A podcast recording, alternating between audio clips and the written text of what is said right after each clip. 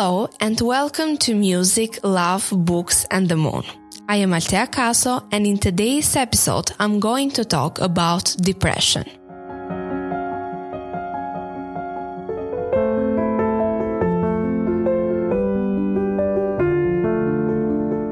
Depression is the leading cause of disability in the world.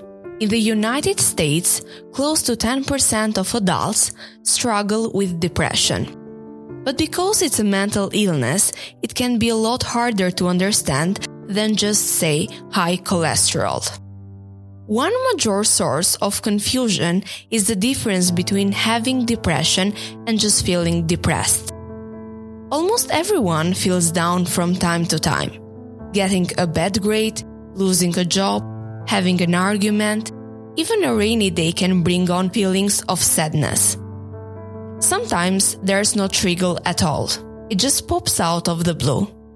Then things change and those sad feelings disappear. But clinical depression is different. It's a medical disorder and it won't go away just because you want it to.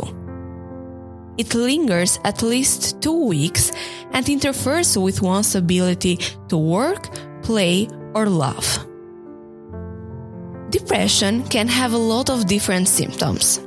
A low mood, loss of interest in things you'd normally enjoy, changes in appetite, feeling worthless or guilty, sleeping either too much or too little, poor concentration, loss of energy, or recurrent thoughts of suicide.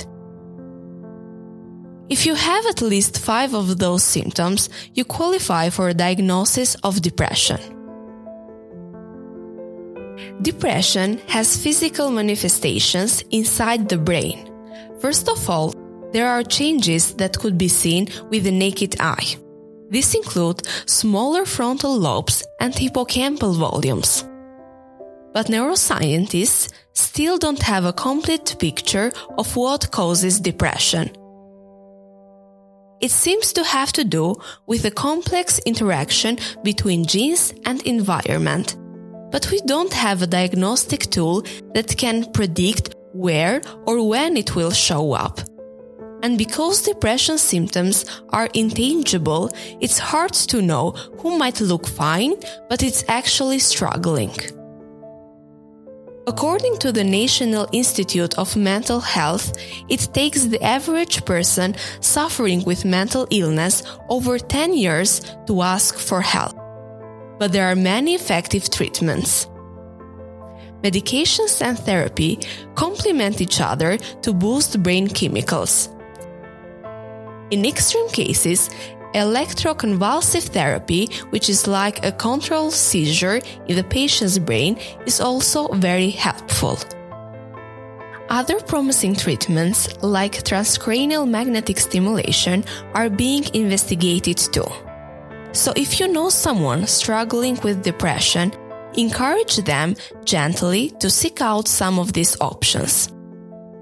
You might even offer to help with specific tasks like looking up therapists in the area or making a list of questions to ask a doctor. To someone with depression, these first steps can seem insurmountable. If they feel guilty or ashamed, point out that depression is a medical condition, just like asthma. It's not a weakness or a personality trait, and they shouldn't expect themselves to just get over it any more than they could will themselves to get over a broken arm. If you haven't experienced depression yourself, avoid comparing it to times you have felt down.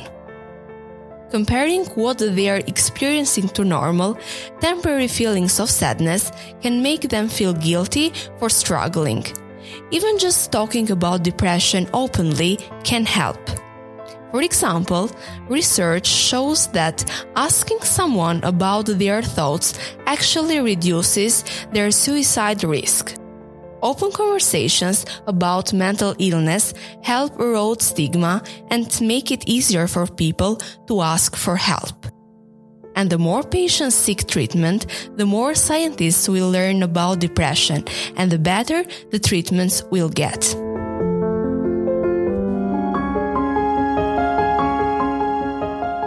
Thank you for listening, and please don't forget to take care of yourself and love with all your heart.